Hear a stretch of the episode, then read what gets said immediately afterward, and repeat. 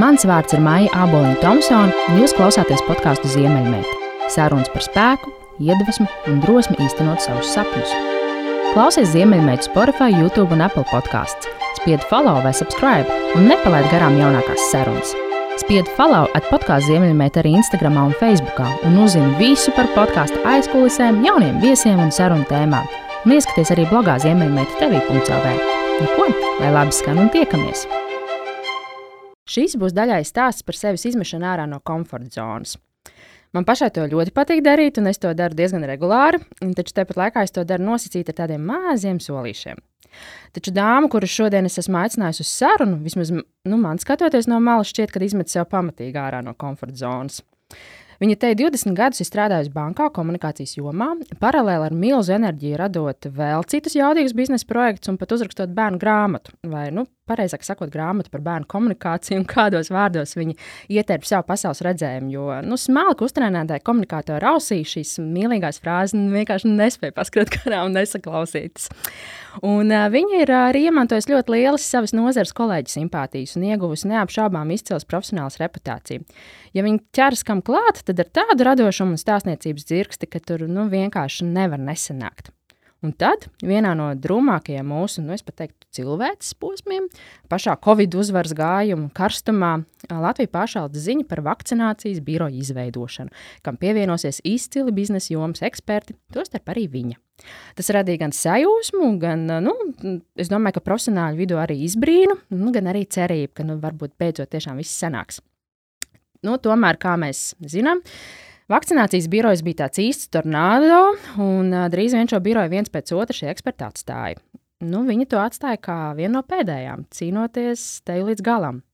Un tā, dāmas un kungi, ilgadējs SEB bankas komunikācijas pārvaldes vadītāja, vakcinācijas biroja komunikācijas jomas pārstāve, Rīga biznesa skolu komunikācijas un mārketinga vadītāja, cilvēks ar izcilām prasmēm krīzes pārmaiņu un lielu projektu komunikācijā, Swedish Chamber of Commerce in Latviju priekšsēdētāja vietniece, Biznesa projekta startup ārta radītāja, lektora, grāmatas piecreiz pieci prātu vēderi, kā runā mūsu mazie gudrinieki autore, Blackbirds Communication īpašniece Agnese Strāzda. Sveika, Agnes! Sveiki! Man liekas, ka man, man žoklis tagad ir tik ļoti atvilkts, ka es pat nevaru sākt runāt. Cik fantastisks pieteikums! Paldies! Liels. Paldies! es ceru, ka man žoklis at, at, atbrīvosies un es varēšu arī runāt. nu tad es tev uzreiz uzdošu arī tādu vieglu pirmo jautājumu. Pastāst man lūdzu, Kurš kuru atrada? Tu komunikāciju vai komunikāciju tevi? Un kā jūs satikāties un kā sāk veidoties tavs profesionālais ceļš? Man vispirms ir jājautā, cik mums kopā ir laiks, jo es par to savu startu varu stundām runāt. Laikam, es, es, es ieturēšu robežas. robežas jā. Um. Faktiski es nevienā mirklī savā uh, arī studiju un profesionālā darba sākumā nebiju uh, plānojusi darboties komunikāciju jomā. Es studēju banku augstskolā, studēju uzņēmējdarbību. Man bija ģimenes pieredze tētim vadīt uzņēmumu, un man šķita, ka es arī to vēlos darīt. Es nezināju, kurā jomā, bet skaidrs bija tas, ka kaut kas saistīts ar uzņēmējdarbību tas būs. Un es dzīvē daudzkārt pārliecinos, ka ir ļoti daudz nejaušības, un arī komunikācija ir bijusi kā tāda nejaušība manā dzīvēm Jo bankā es sāku strādāt kā klienta apkalpošanas speciālists. Man ļoti patika klienta apkalpošana. Vēl šobrīd klientu servis un labs servis ir tāda mm, joma, kuru man patīk pētīt un pie tā piestrādāt, jo servis mūs satiek jebkurā industrijā, kurā mēs esam. Un tajā brīdī, kad es biju pastrādājis klientu apkalpošanā, uh, produktu vadībā. Man bija iespēja nonākt mārketingā, uh, un uh, bija viena leģendāra vadības komandas sanākšana. Tajā laikā ļoti izteikta vīriešu dominance uh, auditorijā. Un es tiku uzaicināta noprezentēt vienu tēmu, kas bija saistīta ar ieguldījumu fondiem. Tajā laikā ļoti sarežģīti produkti. Tas bija kreditēšanas bums kad faktiski visi, visi finanšu sektors runāja par eh, kredītu piešķiršanu un, un Un tu tagad iegūšanu. un, uh, tajā laikā finanšu sektors saprata, ka Latvijas sabiedrība ir arī jāaudzina un jātrenē prasmes investīciju jomā. Mm -hmm. Un tagad ar lielu prieku skatos, kā arī šajā jomā ir gan, gan uh, profesionāli podkāsti, gan tik daudz informācijas. Bet tajā laikā tas bija kaut kāds 2005. gads.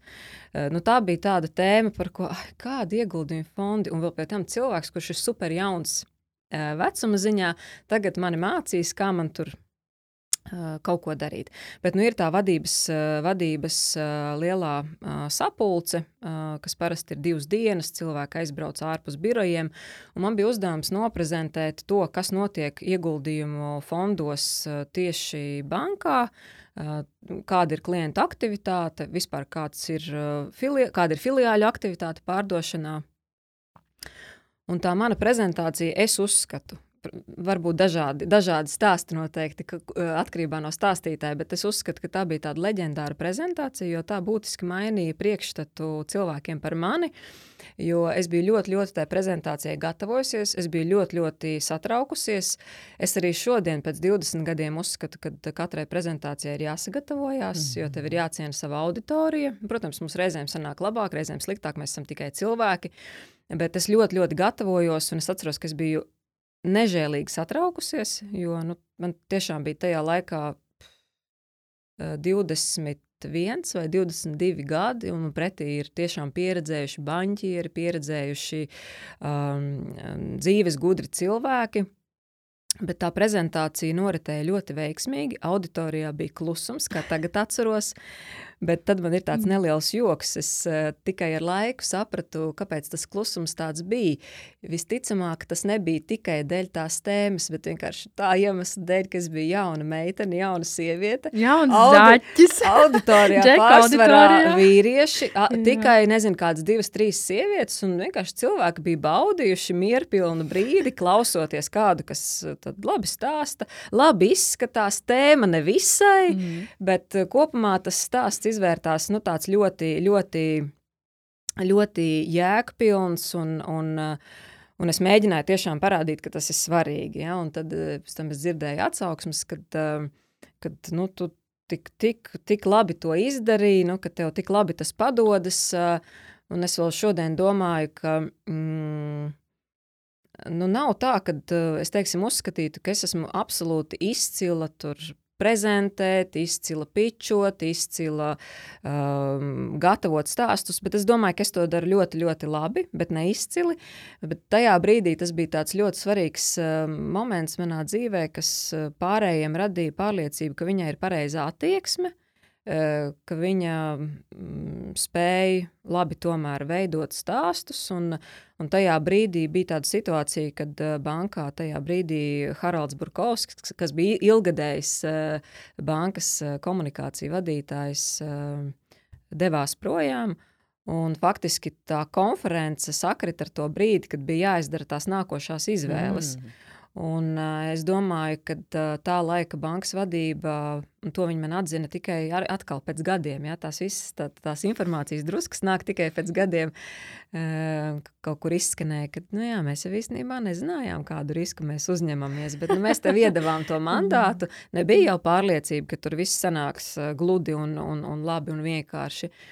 Mm, bet, uh, Nu jā, bet un, un tajā brīdī, jā, tad es nokļuvu tajā, tajā sabiedrisko attiecību pārvaldes vadītāja lomā, kur, kur bija salīdzinoši tāda jocīga sajūta, jo mana komanda bija noteikti daudz spēcīgāka par mani. Tas ir Liene. Komanda, ja? Jā, jā, es dabūju komandu, nelielu komandu. Liene, Meklere, Kucera, kas šobrīd ir IF, IF mārketinga vadītāja.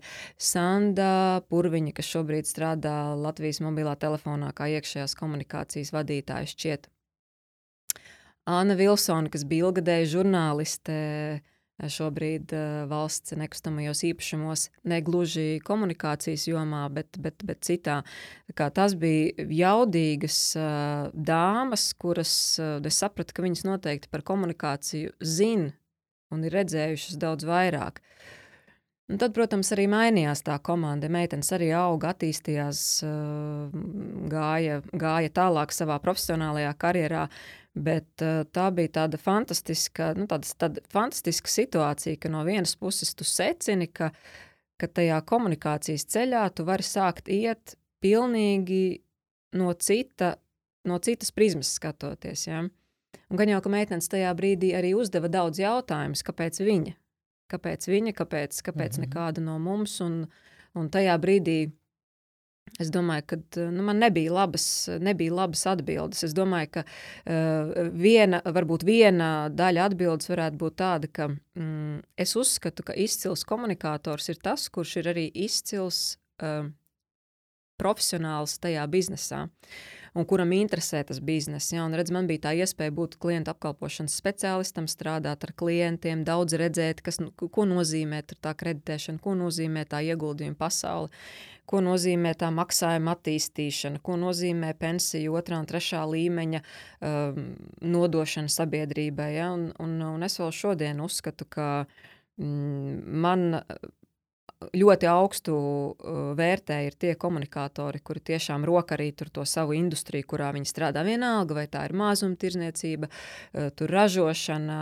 finanses, uh, medicīna. Bet viņos ir tā interese saprast to produktu. Mm -hmm. un, un, un tad man bieži gadu gaitā žurnālisti ir vaicājuši, nu, kad ar tevi ir tik vienkārši, ka tu ātri spēj orientēties. Uh, Uh, un ātri spēju orientēties, tāpēc, kad es saprotu, par ko ir jautājums. Es spēju visticamāk arī pati uz to atbildēt, un, ja es nespēju, tad es, uh, nu, man ātri rodas skaidrība, kur tā atbilde ir, ir, ir meklējama. Tā kā um, uz tavu īso jautājumu par to, kā es nokļuvu komunikāciju jomā, es joprojām atbildu, ka ļoti nejauši, ļoti neapzināti. Un es vēl atceros, ka mm, bieži vien man ir bijusi tāda tāda uh, debate ar uh, sabiedrisko attiecību aģentūru vadītājiem, un dažs labs mani nevisai ir ieredzējis uh, par to, un arī varbūt kāds akadēmiķis ir, ir maz, maz ieredz, ieredzējis, jo es vienmēr saku, ka nu, es neesmu pārliecināta, vai, lai strādātu komunikācijā, ka man obligāti ir jāiet kaut kāds akadēmisks ceļš, mm. noteikts lietas jāizmācās, uh, lai, lai būtu par labu profesionāli. Uh, Protams, arī man esot tur komisijās, tagad bakalaura un maģistra darba vērtēšanā, teiksim, Stradiņa universitātē, nu, es saprotu, ka ir forši, ka tas ceļš ir iziets, ka tie jaunieši ir varējuši tur varbūt vairāk uz to profesiju pastīties tur akadēmiskāk, bet nu, es joprojām uzskatu, ka vēlme, mirdzošas acis, absolūta atdošanās tai profesijai, interese par to profesiju ir uh, svarīgāks kritērijs nekā, nekā zināt skolas. Jā, jā. Klau, tā, kad tu nokļuvi komandas galā, ļip trīcēji? Jā, es biju ļoti satraukusies. Es biju ļoti satraukusies, tāpēc, ka man nebija pieredze nu, tādas ne tikai komandas vadīšanā, bet arī tādas ļoti jaudīgas un, un komandas, kur zina savu cenu. Ja? Tas uzdod daudz, daudz nu, tas padara to situāciju daudz sarežģītāku. Uh, Un es vēl atceros, ka pirmajā dienā, tad, kad es biju jaunajā lomā, lai gan es meitenes jau zināju, es biju strādājis mārketingā, mm -hmm. mums bija diezgan cieša tā sadarbība. Iepriekš es atceros, ka pirmajā dienā uzreiz bija tāda situācija, kad dienā bija nopublicēts kaut kāds kredītlīgums vēl tajā laikā. Unibankas kredītlīgums un kaut kāda situācija tiek, tiek tur analizēta. Un, Un es pie sevis domāju, bet es taču neesmu nevienu dienu nu, strādājis iepriekš ar žurnālistiem tādā tiešā, tiešā veidā. Un es, jāatzīst, nezinu visus likumus un tikumus. Ja? Un nebija tā, ka man kāds atstāja nu, tādu labu rokas grāmatu. Jā, Agnes, mm -hmm. tātad tur mums ir, ar to mums ir tā, ar to mums ir tā, ar trešo mums ir vēl, vēl savādāk. Nu, pati sāku ar, ar katru sapazīties, saprast, uh, Ehm, žurnālistiem, kas ir svarīgi, ātri, kvalitatīvi. Ja, tur tur um, nav baigi daudz uh, aspektu, kas tev būtu jāzina. Tev ir jābūt operatīvam. Uh, un es arī mācīju organizācijā arī savus vadītājus, un pēc tam, uh, tad, tad kad jau es biju arī, arī paplašinātajā vadības komandā, vienmēr mācīju, teiksim, apzināties, ka pat tad, ja mums kaut kas nepatīk tajā mēdīju darbā, un bieži vien ir kaut kādas situācijas, mums nepatīk virsraksti, mums nepatīk, kā ir uzrakstīts, mums nepatīk uh, bilde, bilde jā, mums nepatīk tas. Mm. Es tā kā vienmēr mēģinu teikt, ka mēs katrs darām savu darbu. Tā tad uh, ir tādi gadījumi, kad uh, to bildi palūk nomainīt var. Bet tev ir jāzina brīži, kad tu to vari darīt, un kad mm -hmm. tu ej pāri kaut kādiem savām kaprīzēm, ja, kad es gribu tur, tur citu bildi.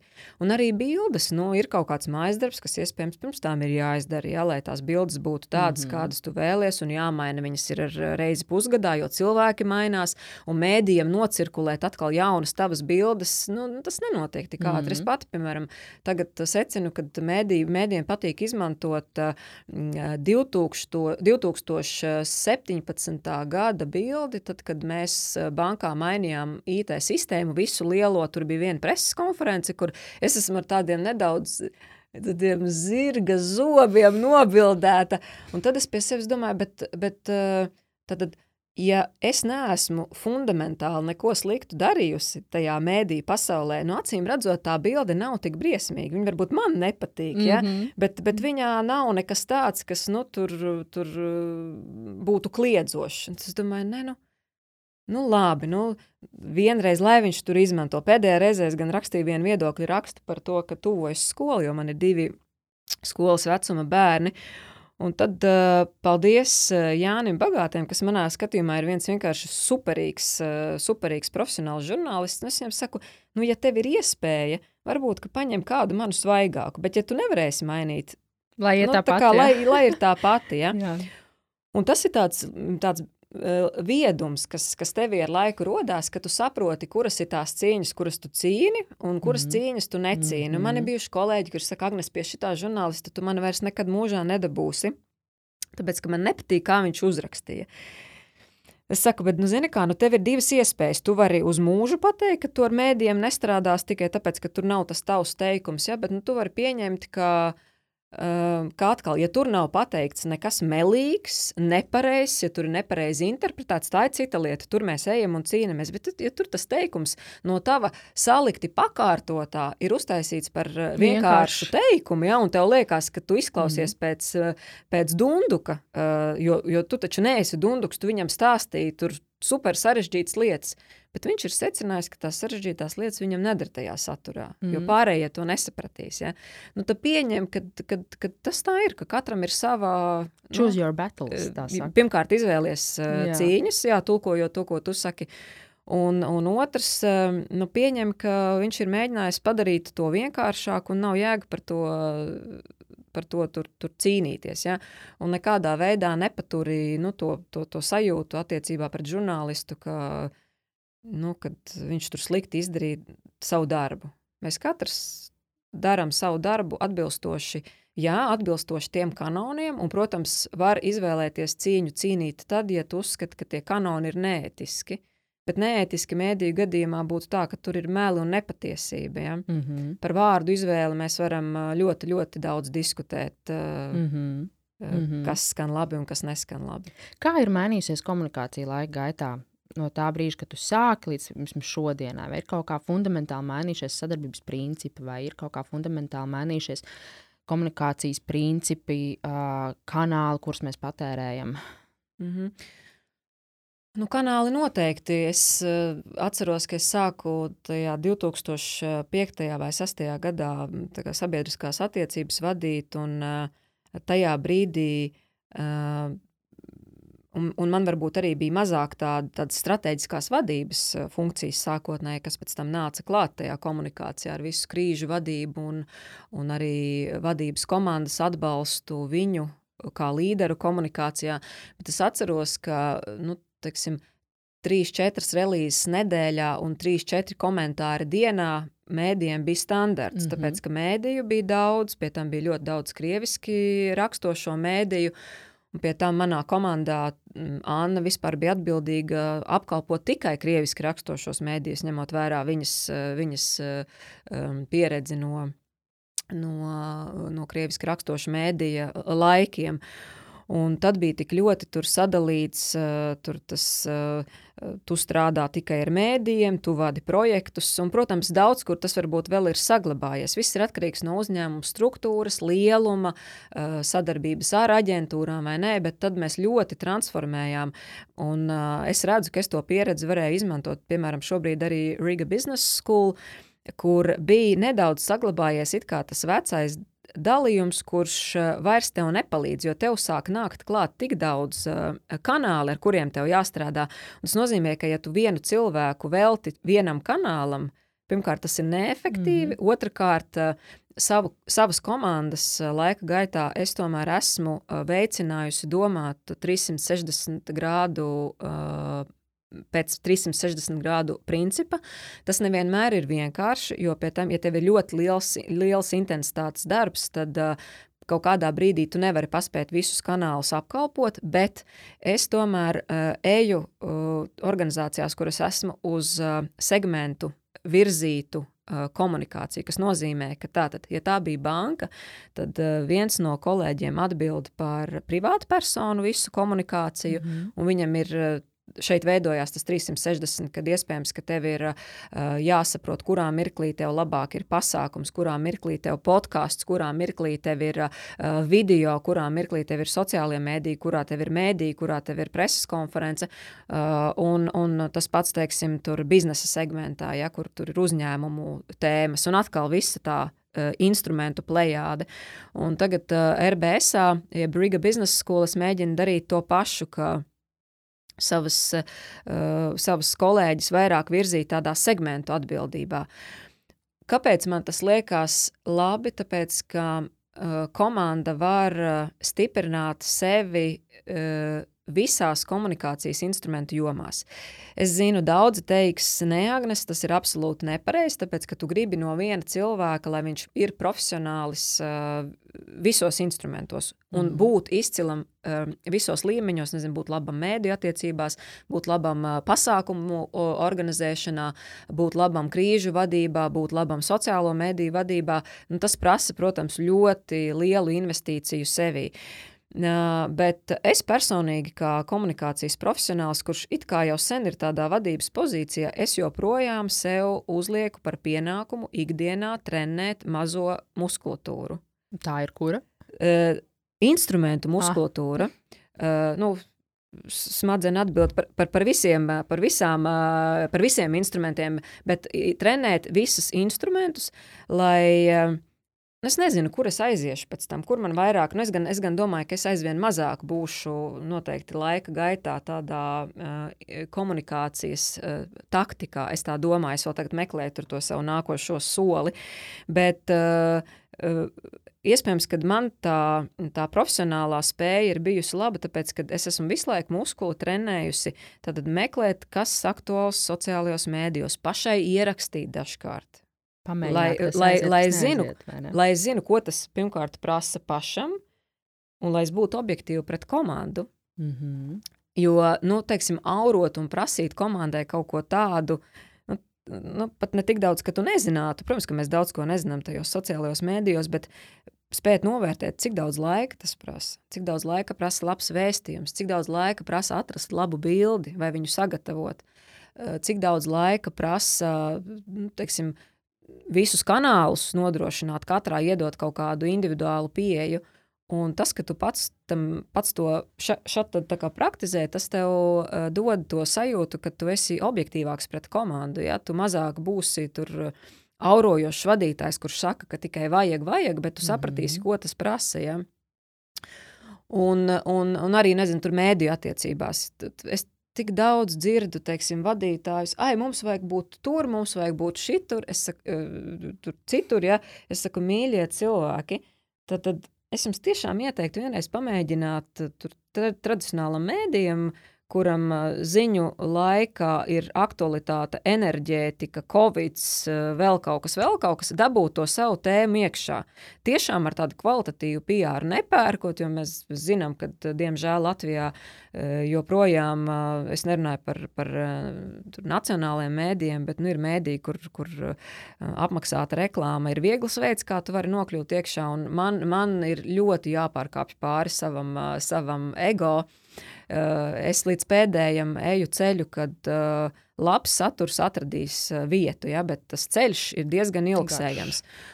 Un, un arī, nu, tātad, lai dabūtu to saturu tajā mēdījā, nu, tev ir jābūt aktualitātei dienas kārtībā, tev ir jābūt kvalitatīvam saturam, un tad, kad tu pats zini, cik daudz spēka un enerģijas tas paģēra, ja, lai nonāktu tur, tev ir arī tāda cita, cita attieksme pret savu komandu. Ja? Tad, kad viņi saka, ka Agnes, mēs tiešām izcīnījām to, tad es, es pilnīgi saprotu un, un zinu, kā caur, caur, caur mm. kauliem jūtu to, cik daudz tas ir prasījis. Un tā, jebkurā mēs varam pat 360 pa to, pa to aplietu apkārt un jebkuru instrumentu paņemt. Ja, ja tu, nezinu, tāpat pasākumu producēšana. Ilgus gadus bankā lielos eh, gan tiešsaistes, gan klātienes pasākums kopā ar aģentūru veidojām. Un tad, kad tu to esi gadiem darījis, nu, tu saproti, cik daudz spēka tas prasa mm. komandas biedram to izdarīt, un tikai tad tu viņam viņam Kā, tā, tu pats to esi darījis, tikai tad tu esi eh, super objektīvs par eh, resursu, laiku un, un spēku, kas tev ir nepieciešams. Tur. Tāpēc es esmu ārkārtīgi liela vispār eh, komunikācijas un mārketinga cilvēku tā kā, tāds advokāts. Un tad, kad es dzirdu, tur nezinu, tur uzņēmumu vadītājus vai, vai, vai citu industriju cilvēkus, kas ar tādu nievājošu attieksmi pret, pret, eh, pret mūsu industriju izturās.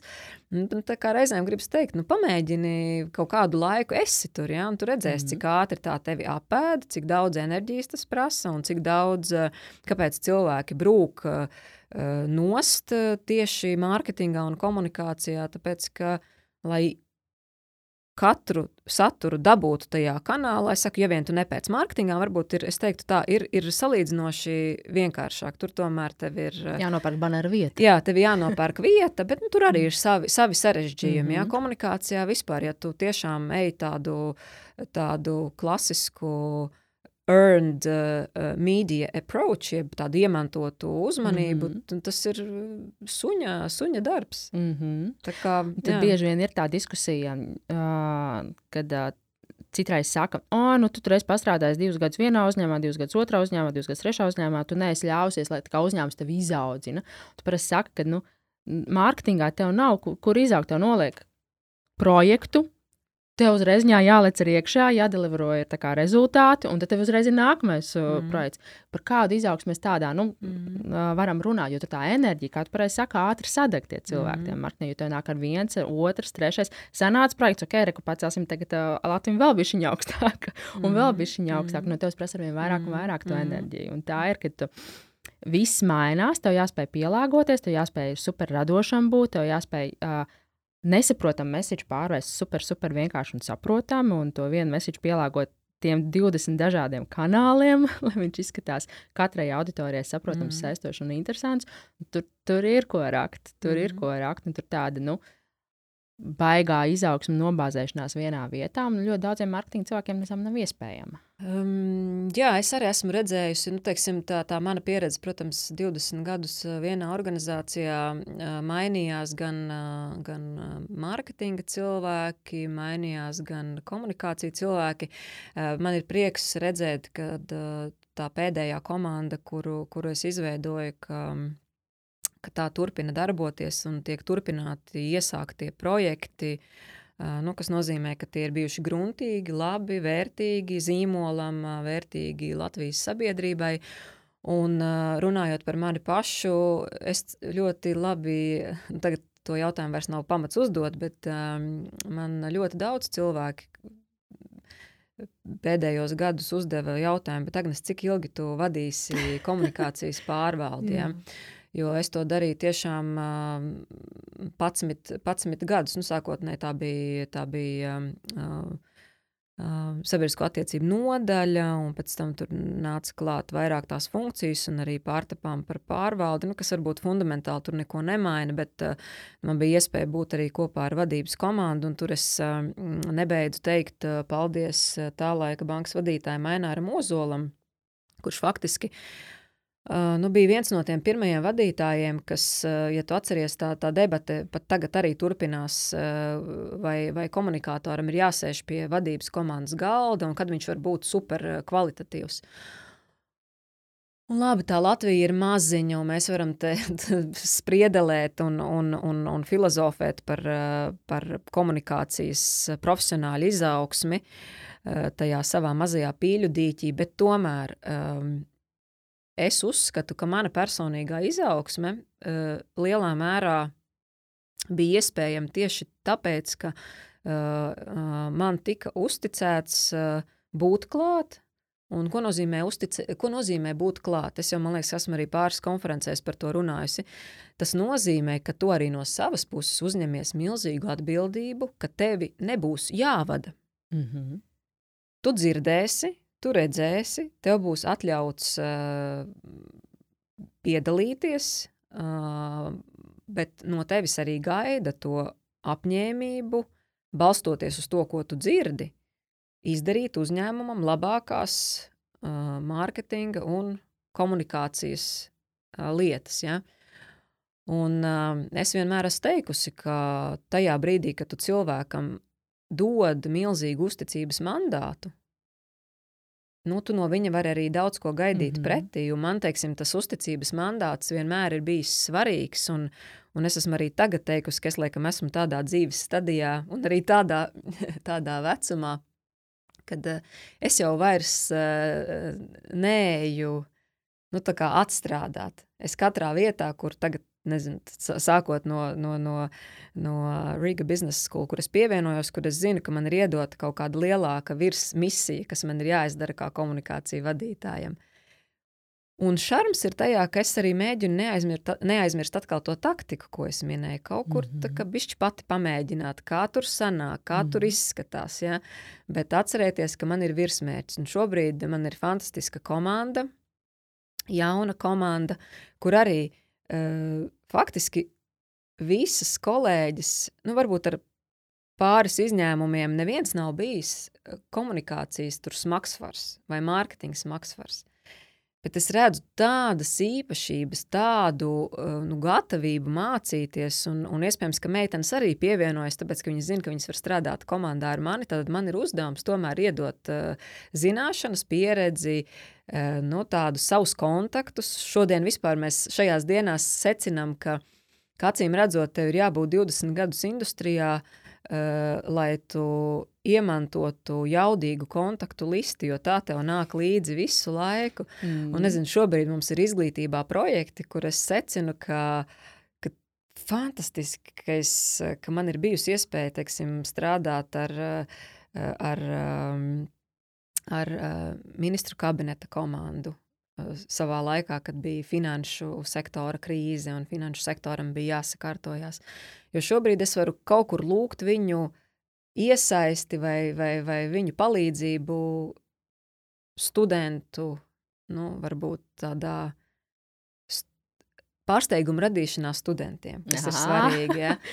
Nezinu, man ir mm. caur, caur Swedish Chamber of Commerce, es atkal redzu ļoti daudz um, uh, uzņēmējus, kas ir ar, sākotnēji ar, ar Zviedrijas vai, vai, vai Skandināvijas saknēm, un nezinu, pēkšņi Mums tagad ar kolēģi Alīnu tāda fantastiska ideja, ka mēs kā runājam par elevator pitch. Mēs gribam jauniem studentiem trenēt prezentāciju prasmes, un mēs saprotam, ka es taču varu Niklasam uz Radisson Latviju uzzvanīt, un, un Niklas mums iedod uz vienu dienu, uz četrām stundām 25 stāvu liftu, lai trenētos, ka tu iekāp pirmajā stāvā, Amazing. un ka tur filmē, un augšā žūrija skatās, un pēc tam tu uzbrauc uz to 25. stāvu, izkāp laukā, un te uzreiz pretī ir žūrija. Mm. Kur tev dod feedback, jo viņi redzējuši, kā tu iekāpot liftā, izmanto, nu, cik tur būs tās sekundes, nezinu, izmērīsim, vai tur 30 sekundes mm -hmm. vai mhm. vairāk. Un tas vienkārši domāju, tik sasodīti, laba sajūta, Forši, ka tev tie kontakti ir, vai nu nezinu, nu, finanšu sektorā. Un man ir tāds prieks, ka man ir um, visās, visās uh, bankās kāds, kuram es varu šodien nu, lūgt palīdzību. Ja? Es, protams, esmu tagad uh, vairāk, es secinu, ka nu, pat es esmu vairāk lūdzēja lomā, ja? kas arī varbūt mainot to, to industriju. Um, uh, jā, finanšu sektorā vairāk tu jūti, ka tev lūdz, jo ir kaut kādas vajadzības, un tagad es atkal domāju, nu tagad es esmu tajā stadijā, Eh, Briedums ir, eh, man nav grūti lūgt palīdzību. Nu, es prasu Niklasam Radisonā, plas, prasu Sandrim vai, vai eh, paldies Evikai Siliņai par mūžīgo atsaucību. Tur, teiksim, ja ir ministru kabinetā varbūt kaut kāds jautājums vai kaut kāda vajadzība. Nezinu, jebkurš lielais uzņēmums, valsts nekustamie īpašumi ar Ingu, ar, ar Intu savukārt strādājām kopā bankā, ja Inta tagad vada komunikāciju. Mani kolēģi, liela daļa ir valsts nekustamajos īpašumos. Labi, ņemam nākošo bildi. Tur uh, Rīgas satiksme. Ja. Mm -hmm. Uh, baiba, nu, Rīgas satiksmes kontakts noderēja arī vakcinācijas birojā, kad operatīvi vajadzēja risināt tos transporta un komunikācijas jautājumus transportā. Tā ir vienkārši tik nenovērtējama mūsu mazās valsts iespēja, ka mēs viens otru zinām, un Mhm. ja vēl mēs mākam viens ar otru sadarboties, ja, Mm -hmm.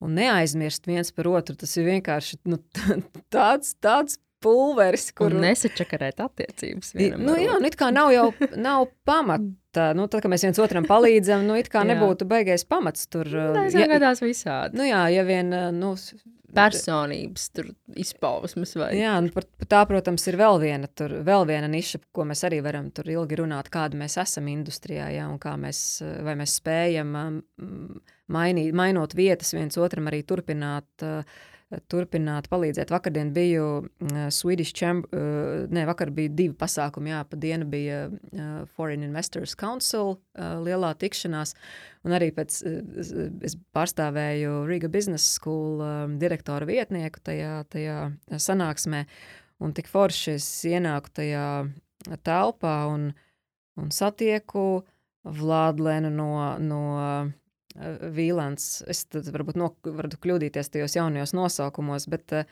bet eh, no atkal es redzu tos cilvēkus, eh, ar kuriem es saprotu, ka ta, viņi ir mans zelts. Ja man vajadzēs kādreiz, es zināšu, kur, eh, kur, eh, kur prasīt, kur doties, mm. -hmm. kur, kur meklēt palīdzību. Un to es gribu, un to es arī mācu jaunajiem profesionāļiem, kad uh, tīklojieties, veltat laiku attiecībām, jo mārketingā un komunikācijās tā ir milzīga vērtība. Visur Mhm. jau tā ir vērtība, bet īpaši jau uh, industrijās, kur tev kaut kas ir jāsorganizē, kur tev vajadzēs otra cilvēka palīdzību. mm. Nu, tāda mega, mega, mega sajūta. Es saku, tu, tu, tu pieteikumā minēji, kad, uh, kad izmesta no, no tās stabilās vides. uh, Un savā ziņā es domāju, ka tā, ir, tā bija ļoti, ļoti vērtīga transformācija man pašai, ka tā kā iegūtu, iegūtus kontaktus, iegūtas zināšanas, tu vari aiznest vēl kādam ārpus tās organizācijas, kurā tu ilgu, laiku, ilgu laiku esi, esi bijis. Kāpēc tu pievienojies vakcinācijas birojam? Vai tā bija ilgi jādomā?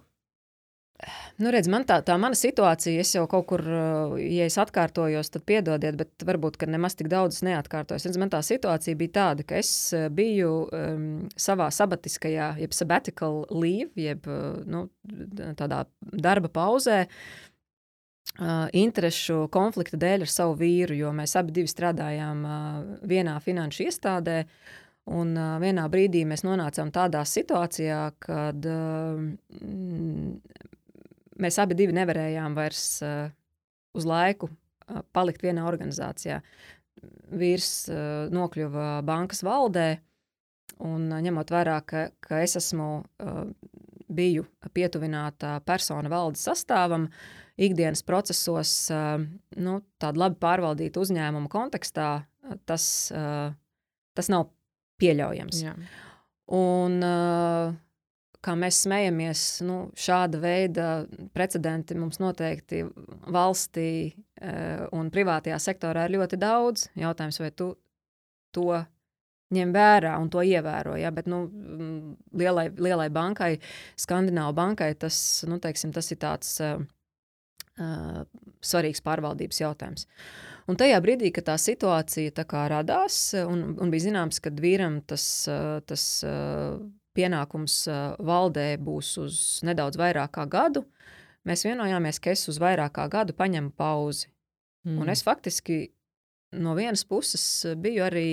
Varbūt tas bija grūti, jo nu, es pēc 20 gadiem, pēc tāda nenormāla vāveres riteņa, es domāju, nu, kā tas būs man pašai.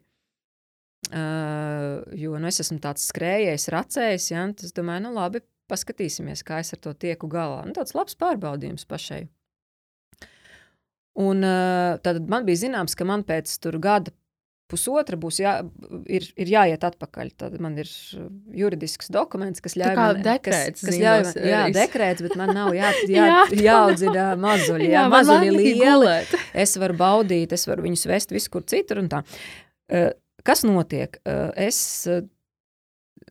saprotu, ka vispār ir baigi labi ir laba sajūta, ka, nu, ka tev nav jāiet uz darbu, un tev nav tā, tā tāds pienākums, bet nu, skaidrs, ka nu, es ilgi nevaru tur nosēdēt mierā. Ja? Nu, man ir kaut kāda, man ir tāpat startup art, ko es varu tur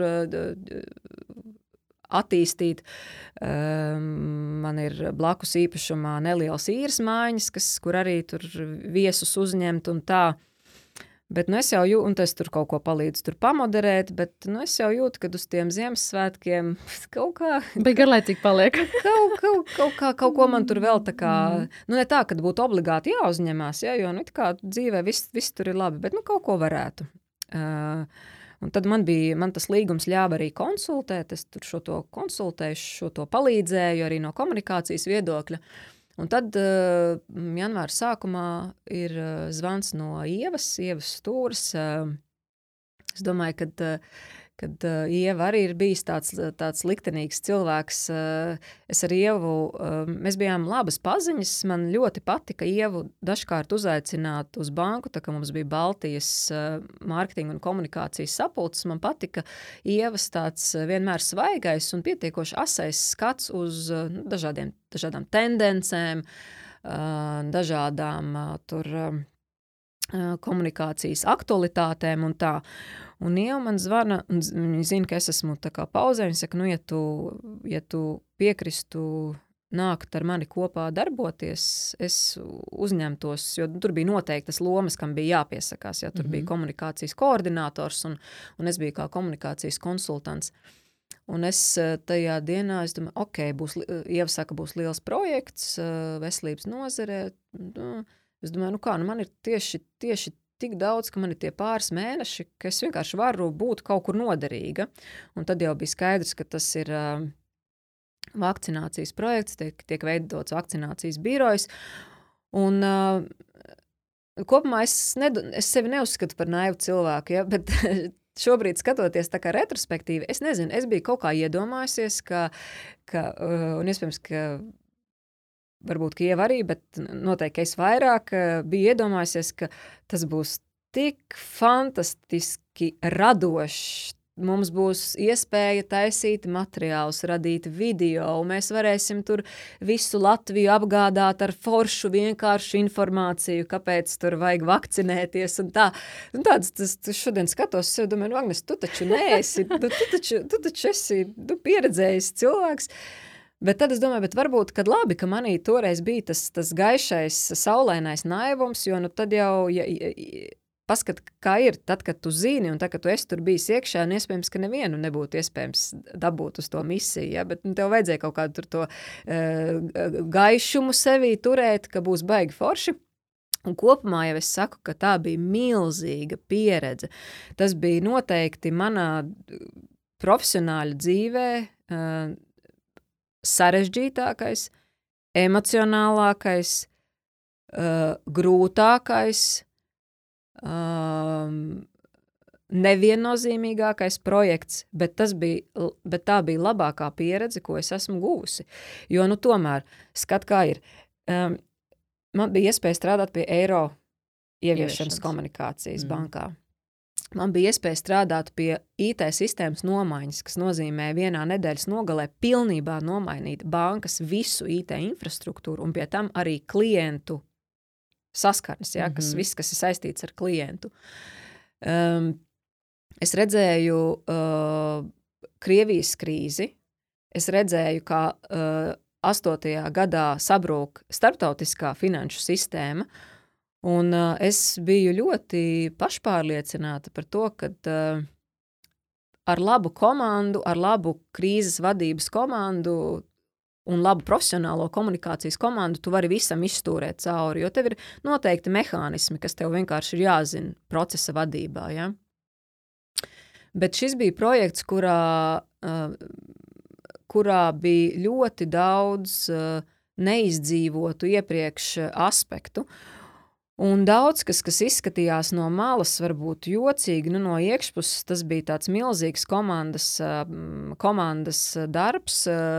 Es tiešām es, es nekad neslavēju tur, teiksim, baigi, baigi politiķus, man ir kaut kāds arī savs skatījums uz, uz, uz politiķiem, kas man patīk un nepatīk, un reizēm varbūt mans viedoklis kādam liekas jocīgs, bet uh, cepuri nost uh, Danielam Pavļutam, uh, man ar Danielu uh, iepriekš, teiksim, profesionāli mums bija īsts laiks, ka mēs finanšu sektorā kopā sanāca paralēli darboties vienkārši katrs savā bankā, bet, bet bija kaut kāds kontakts.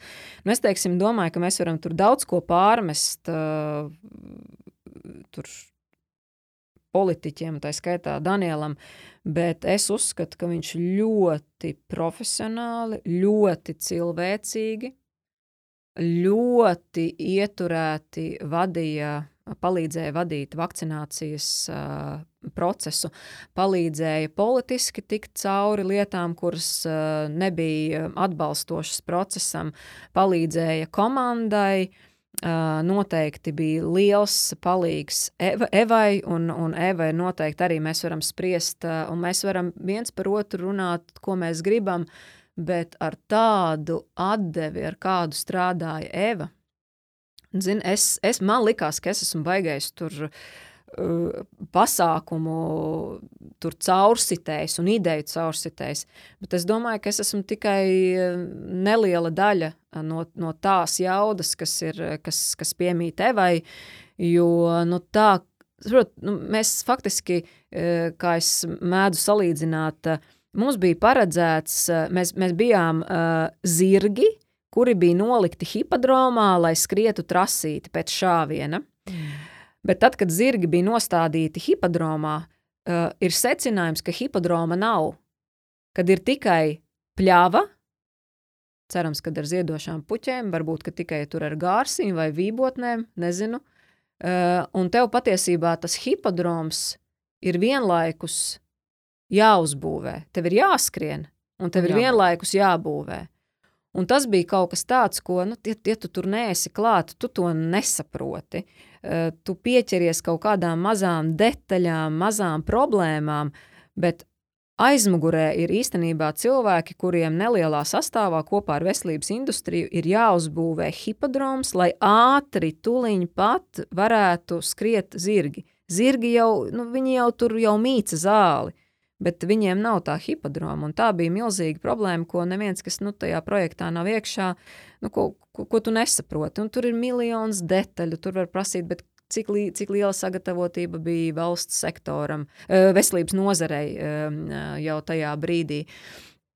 Es teiktu tā, jebkurš, kurš bija tajā projektā ilgāku un garāku brīdi, un es patiesībā nebiju uh, tā, kas tur līdz beigām, ja, um, um, pirms, pirms vasaras, jau tad, kad vakcinācijas process bija salikts uz, uz sliedēm, mm, uh, es arī teicu, ka es varu būt uh, maksimums četrus mēnešus. Uh, bija, bija kolēģi, kas uh, palika vēl pēc tam, uh, Un tā skaitā, Eva, es, es, eh, es saku, mēs, mēs varam viens, mums var nepatikt uh, otra īpašības, bet uh, es uzskatu, ka uh, Eva bija fantastiska, nu tāda jauda, nebija viegli, tāpēc, ka bija ļoti daudz problēmu, ļoti daudz politikas, ļoti daudz uh, veselības nozares kaut kādu aspektu, bet visi tie cilvēki, kas tur darbojās, viņi vienkārši ir uh, ir uh, pateicību pelnījuši par to, ka viņi tur to laiku uh, veltīja. Nu, saku, mēs kā komunikātori ar Ievu, man liekas, ka uh, pirmās nedēļas un pirmos mēnešus patiesībā palīdzējām būvēt uh, procesu. Kas ir tas, ko tu ieraudzīji savādāk par Latvijas sabiedrību?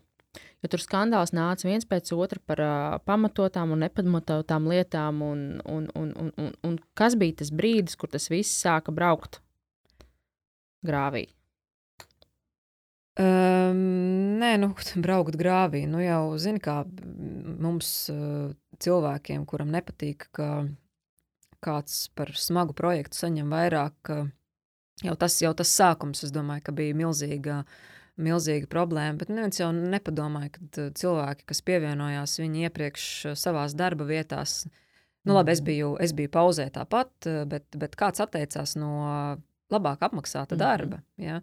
Un, nu, tu taču nevari tagad caur vakcināciju sākt risināt ielgušu problēmu par to, cik pelna cilvēki valsts pārvaldē un cik iespējams, ka kāds pelna privātajā sektorā. Pie tam profesionāļi, kas tiešām jaudīgus projektus uh, vada. Ja, un, un, tā, kā, tā kā pēkšņi tas būtu milzīgs pārsteigums, ja, kad, mm -hmm. kad cilvēki, kas ir uh, milzu sarežģītos projektos, ka viņiem ir tāds atalgojums, kāds viņiem ir. Nu, labi. uh, tas, tas man likās, uh, nu, tā, tāda mēs tā sabiedrība esam. Ka, Un vēl pēc tam, man liekas, ka pašvaldību vēlēšanu tuvums, ja, un tad jeb, jebkura tēma vienkārši automātiski kļūst par, par, par kaut kādu izsmiekla elementu. Tā tad slikti cilvēki atlasīti, pārāk daudz saņem. Nezinu, vēl, vien, vēl viena leģenda par to, ka veselības projekts ir jāvada tikai un vienīgi veselības nozares ekspertiem. Aizmirstiet.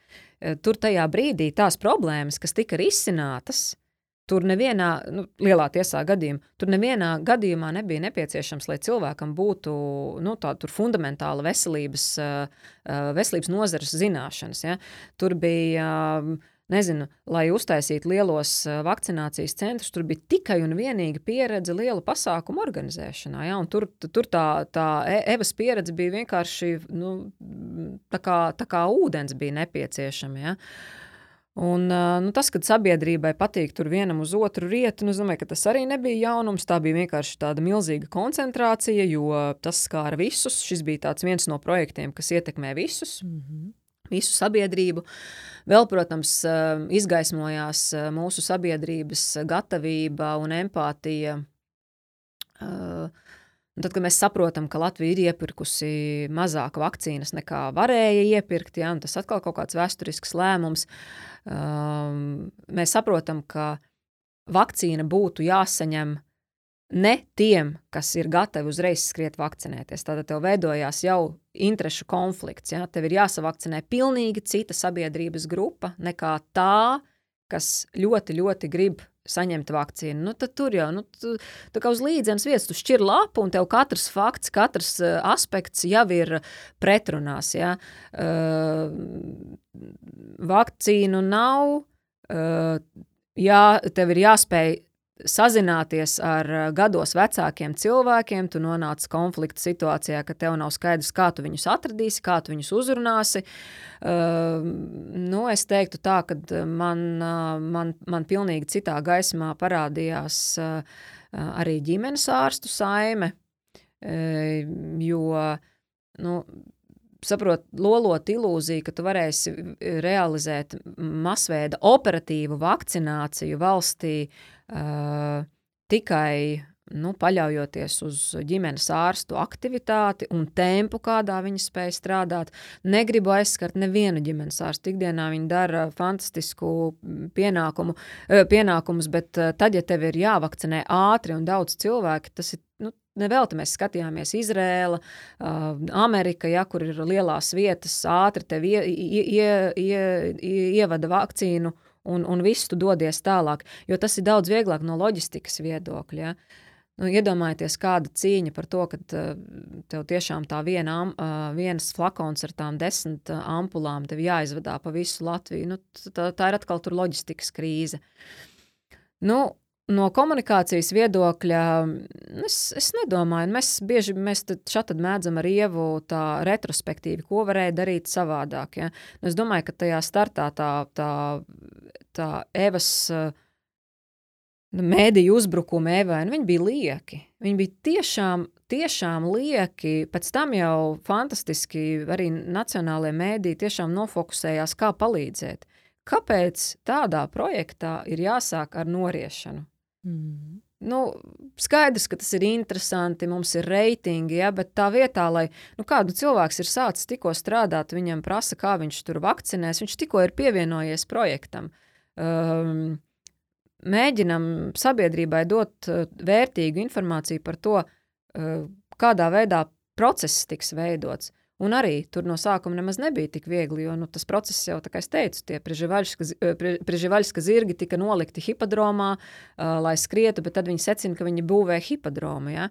Un kaut kā man būtu bijis gribējies tādu lielāku solidaritāti arī no, arī no mēdī puses. Un pēc tam jau pārlauza, tad jau tā, ka mēs to procesu bijām uh, visi kopīgi uzbūvējuši, tad jau arī mēdī saprata, ka nu, kaut, kaut kas tur ir izdarīts, tad mēs varam strādāt normāli. Ja, jā, jā mm. bet nu, tajā brīdī, kad tu. Es vienkārši reizēm domāju, nu, mīļie, nu, aiziet, paskatieties uz jebkuru biznesu, uz jebkuru biznesa projektu, kur tu sākumā mēģini vispār salikt kopā bildi. Nu, tas ir skaidrs, ka tur ir jautājumi vairāk nekā atbilžu. Ja? Un tā ir tāda milzīga atšķirība, ka privātajā sektorā tu vari projektu noslīpēt līdz pēdējiem, un tad viņu anoncē. Mm -hmm. Bet valsts pārvaldē un visu cieņu valsts pārvaldē un veselības nozarē, mm, veselības arī ministrijā strādājošiem kolēģiem eh, un arī eh, Nacionālajā veselības dienestā. Tu taču tu katru dienu esi uz, uz, eh, uz, uz oglēm. Ja?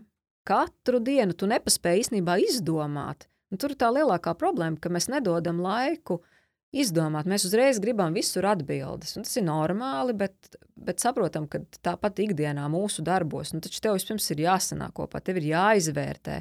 Tu nevari visur ātri uh, būt pārliecināts par, par, par lēmumu, un arī lēmumi ir nepareizi. Mēs taču neesam nekādi roboti, ja, lai mm. viss būtu tur pareizi un, un, un līdzeni. Un tu, tu vienkārši secini, un es arī, nu jā, es uzņēmos tur to mēdīju pusi, uh, Un tad tu saproti, ka uh, mans režīms tur tos vairākus mēnešus ir tāds, ka no rīta tik līdz beidzās uh, redakcijās uh, diskusijas, skaidrs, ka vakcinācija būs piecas reizes dienā. Tur radio labprāt vēlēsies katru stundu, teiksim, jaunākos vakcinācijas datus. Uh, Un tad tev jāsāk sevi ielikt eh, kaut kādā tādā rāmī, ka tev ir pirmkārt jābūt ļoti labi ekipētam ar datiem, un to es ātri, labi, ka varbūt tā mana pieredze no finanšu sektora ļauj man uzreiz nu, redzēt, un spēt analizēt, un spēt iedot dažādos vektoros tos datus. Uh, bija jābūt gataviem ar stāstiem. Ja? Nu, kas tad es, es jau sev teicu, ka Agnēs tev ir jāspēj katru dienu no rīta nodefinēt visu no visa tā, ko tu zini, kas notiek. Un notiek nenormāli daudz. Notiek gan labs, gan, gan slikts. Tev ir jāspēj pateikt sabiedrībai nu, tādas svarīgākās lietas, ar ko viņš šobrīd var rēķināties. Būt godīgam. Uh, es laikam tikai vienu reizi tā bija jā, saruna ar panorāmu, kur es laikam pārkāpu. Nu, tādu, es sapratu, ka es esmu tik uzvilkusies jau par, nu, par to. Par to par to uzbrukšanu ja, komandai, kad laikam vienreiz pazaudēju tā kā uh, tur. Savaldību. savaldību, bet nu, tas bija ļoti maigi. Man vienkārši pēc tam kolēģi teica, ah, šī te jau sajūtām, kad, ka pat, pat, mu, pat, pat tu uh, spriedi, jā. pat tu esi jau mm. tā kā. Kas ir tas jauns, ko tu sev iemācījies? Zini, es liekas, ka beigās secināju tādu lietu, ka es jau negāju tur mācīties. Tur nebija laiks mācīties. Tur bija laiks likt lietā tās profesionālās prasmes. Un, uh, nu, es, es iemācījos, man liekas, kad, uh, lielāku cieņu pret uh, veselības nozarē strādājošiem, arī komunikatoriem, Tāpēc, ka tas, kādā vidē un režīmā viņi strādā, tas ir apbrīnojami, sevišķi tos divus gadus. Uh, nu, jā, nu es iemācījos abstrahēties no publiskās telpas viedokļiem par, par slinkajiem rupšiem un par visu pārējo, un par, par ārkārtīgi zemo zināšanu un inteliģences līmeni, kas šķietami piemita vakcinācijas biroja komandai un visiem tiem apvainojumiem. Uh, iemācījos vēl vairāk apzināties, ka uh, cilvēkiem ir jāskaidro, jāskaidro, jāskaidro. Un tur cepurnos tievai, kas mēģināja Twitterī uz katru komentāru atbildēt. Un, un tad bija situācijas, kad uh, nu, jau mēs sapratām, ka mums ar ievu jau, jau nu, tāda nervu sistēma jau kļūst ļoti vārga, tāpēc ka tu jūti, ka tev jau sāk drebēt rokas, jo tu zini, ka tu neizcīnīsi to cīņu, ka tu dod argumentus, bet visur pretī ir emocijas. Nu, es iemācījos pieņemt, ka tajās dienās, kad, kad, tad, kad man bija 50 neatbildēti zvani četrās stundās no Latvijas iedzīvotājiem, ka tas ir uh, nu, tas ir normāli, ka tev ir jāatkāpjas no kaut kādiem saviem standartiem. Jo man standarti ir visam, at, visiem atbildēt, visiem dot atbildes, būt maksimāli augstā līmenī savā sniegumā, bet tu vienkārši saproti, ka vienā mirklī ir, ir, ir tā, ka tu nevari izdarīt. Un, jā, noteikti bija dienas, kad mēs ar Ievu nu, tur vēlu vakaros eh, vai pat naktīs, kad mēs vēl turpinājām sazvanīties, kad, nu, kad tev ir asaras acīs, ka tu vienkārši saproti, ka ārprāts, kā vispār kaut kas. Nu, kā vispār kaut kas tāds ir iespējams? Ja? Tu, kā, tad, tad, tad, tad, tad es ievai saku, jau nē, šis nav normāli. Tu, tur jau saka, turamies, turamies. Nākošā dienā ieva saka, nē, viss, viss beidzam. Tas saka, nē, ieva, ja ne mēs, tad, tad, tad, tad kurš cits? Un kurš bija jūsu pēdējais piliens? Bet, zin, kā, ne, nebija jau tāda, nu, tāda baigā pēdējā piliena, jo principā uh, man fantastiski sakrita, kad es eju projām tajā brīdī, kad vakcinācijas process ir salikts uh, uz sliedēm. Viss, viss, viss mums ir uh, Evas vadībā un, un Daniela vadībā ir izdevies tur visam tikt pāri un skaidrs, ka vēl vakcinācija turpināsies. Un, un tad es sev biju pateikusi, ka tas ir mirklis, kad es, kad es gribu uh, teikt paldies, likt punktu un pati aiziet savakcinēties. Jo es līdz pēdējiem, zinot, ka mums bija vakcīnu bats, nevienā mirklī neizmantoju nekādu tur tagad priekšrocību ātri aiziet savakcinēties. Es 8. maijā beidzu savu misiju, un 9. maijā aizgāju, bija pieteikusies, gribu, kā, kā parasts lietotājs, iegāju manā vakcīnā, atradu, mana vakcīna LV, atradu brīvo vietu, uh, Tas bija ārsā, bija saulaina diena, kā tagad atceros, un es tā kā svētku dienā aizgāju mm. savā laikā. Nebija ne rindu, viss bija forši. Es domāju, nu, bet eh, redz, es, tagad, tagad mums ir izdevies uztaisīt procesu, jo nebija jau sistēmas sākumā. Pat paldies Danielam, kurš laicīgi savāca IT eh, industrijas pārstāvis, lai kaut ko sāktu būvēt. būvēt. Un beigās tajā, tajā 9. maijā es aizgāju uz Arsu un dabūju savu vakcīnu. Un, uh, Un uh, nu, tad pieliku sev tādu, nu, tādu svētku punktu, un pēc tam jau pieteicos tur pēc tā noteiktā perioda atkal uh, saņemt savu vakcīnu. Liekas, nu, bet mēs izdarījām visu.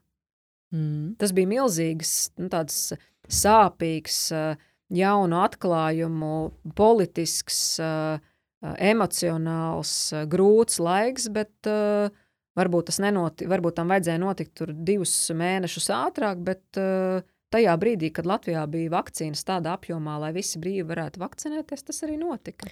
Vai tu jūti kaut kādu savu ietekmi uz tavu reputāciju? Vai tev atnāca kaut kāda varbūt? Uh... Es atceros, tad, tad pirmajā dienā, jā, man, man bija, varbūt, es saņēmu divus komentārus. Viens bija nu, tāds, ka vairāk uh, turies un uh, lūdzu, lūdzu nesadedzini sevi, nu, kas bija jau tāds signāls, ka uh, tas nebūs viegli. Un otrs komentārs bija, nu, baigie maleči, ka jūs to uzņēmāties. Nu, protams, ka sākumā, nu, kā, nu, kā tu iesāki, ja, ka liekas, ka tādi, maks, tā, tādi smagsvari sanāk, nu, tur ir jābūt baigām, baigām pērlēm. Un tad it kā vienā brīdī tu saproti, ka nav tās pērles, bet tā kā es redzēju, cik ar lielu atdevi visa komanda strādā. Man vispār nevienā mirklī nebija tāda sajūta, kad, uh, kad kāds kaut ko nav izdarījis.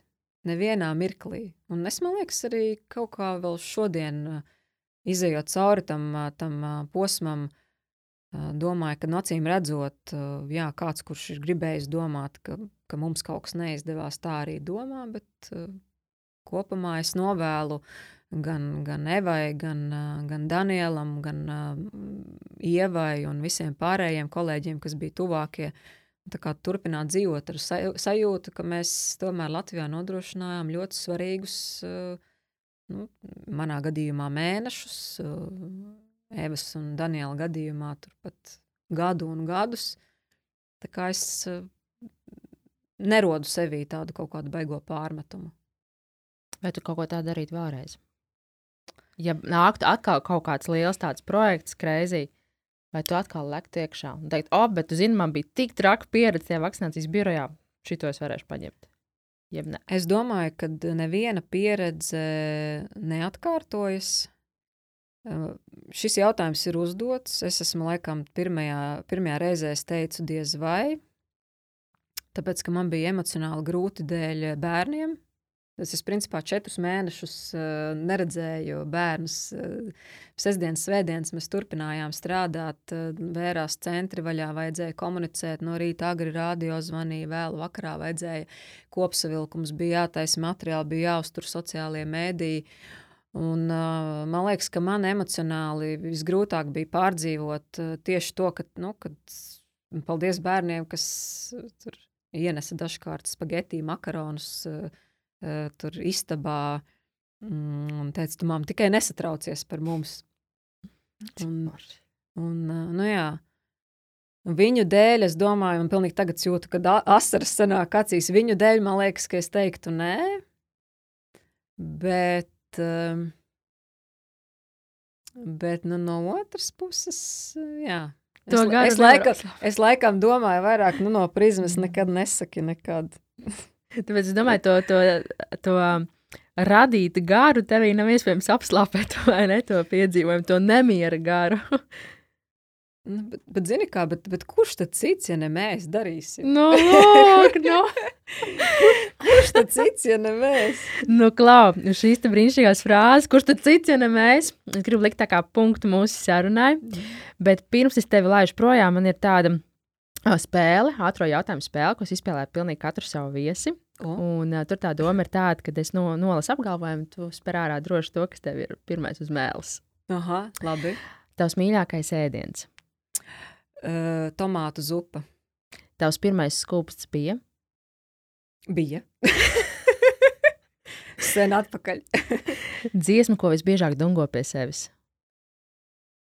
Uh, prāta vētra tevis dēļ. Lūdzu, turpini teikumu. Drosme ir? Drosme ir darīt. Drosmīgākā vai varbūt trakākā lieta, ko jebkad es darījusi? pievienosies vakcinācijas birojam. Mīļākā filma. Miesas sargs. Ak, oh, Dievs, cik tā ir laba filma! Man liekas, kasete mājās. Suns vai kaķis? Suns. Grāmatu, ko iesaka izlasīt? Uh, kur vēži dzied?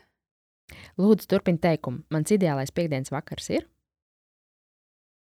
Spēlējot tenisu. Mm, Kas ir labākais padoms, ko kāds tev ir devis, vai gluži pretēji sliktākais padoms, ko kāds tev ir devis? Sasodīti labs apgalvojums. Nevaru ātri atbildēt. Zinu, laikam labākais padoms nu, kaut kā no māmas par to, ka jādzīvo tā kā pašai labāk. Tas ir labi. Tava mantra brīžiem, kad jāsaņemas mantra. Mm -hmm. Saņemies strāzda. un personība, kur tu iet vakariņās. Tā var būt jebkura vēsturiska, literāra, mūsdienu. Ah, es gribētu ar Mišelu Obamu kādreiz pavakariņot. Bez viņas vīra, jā. Tikai. Viņa var ņemt arī vīru līdzi. nu, super. Paldies tev liels, paldies tev liels par um, to, ka tu pavēri to priekškaru, kā tas bija. Jo tas pilnīgi noteikti. Nu, es domāju, ka uh, daudz domā, nu, trakiem, vienkārši traki, ko jūs ar sevi darat. un uh, es tikai uh, ceru, ka uh, tas nesmukums, ko tu ieraudzīji mūsu sabiedrībā, viņš noteikti bija.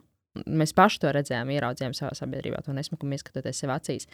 Un, ka tas uh, A, mūsos mainīsies pēc šādas pieredzes, ja mēs par to vairāk runāsim, jo man liekas, ka mums par to ir vairāk jārunā, lai mēs varētu sev kaut ko mainīt. Un B, tas forši aizmirsīsies vienkārši caur jauniem foršiem projektiem, ko tu tālāk pieķersies klāt un īstenos. Tā kā paldies tev liels! Paldies par uzaicinājumu! Un, uh, tev izdevās uh, manī, es katru reizi, kad man ir tas jautājums par to sarežģītību, un es atceros tos savus bērnus un, un to situāciju, man asaras uh, izsprāgs lokā, lai gan bērni nu, jau salīdzinoši lieli, bet. Nu Viņi bija spiesti. Es atceros, ja, ja, ja drīkst maz vienkārši atkāpties, es atceros, es nu, paras, parasti pēc 11. turpināju strādāt, un mana meita, kurai tagad ir 8 gadi, es pārsvarā vakarā strādāju no viņas uh, istabas. Viņa teica, Mam, tu droši turpini, turpini strādāt, es te aizmigšu. Un tad bija tā, ka viņa modās, un es biju atkal nu, turpat pie tā datora. Tā es pēc tam ātri nomainīju savu darbistabu, jo es sapratu, ka man ir jāmaina vieta, jo tā vieta asociējās ar, ar, ar, ar vakcinācijas uh, tēmu. Tā kā bērni jau jūt tos vecākus arī, un paldies viņiem par, par izturību tajā laikā. Paldies tev! Paldies! Paldies, ka biji kopā ar mums! Ja tev patika šodienas podkāstu saruna, lūdzu, dalies to savos sociālos tīklos. Savukārt, ja tev ir ideja, kuru personību tu gribētu dzirdēt kādā no nākošajām podkāstu sarunām, raksti man Instagram vai Facebook atpodkāstu Ziemeļmeita. Un kas zina, varbūt šo personību mēs nointervēsim ar tevi kopā šeit pat ierakstu studijā. Kārlis Skalbi ir teicis, pasaulē nav gala un debesīm nav malas. Īstā dzīve ir liela kā pasaule un augsta kā debesis. Dzīvosim īsti! Atām!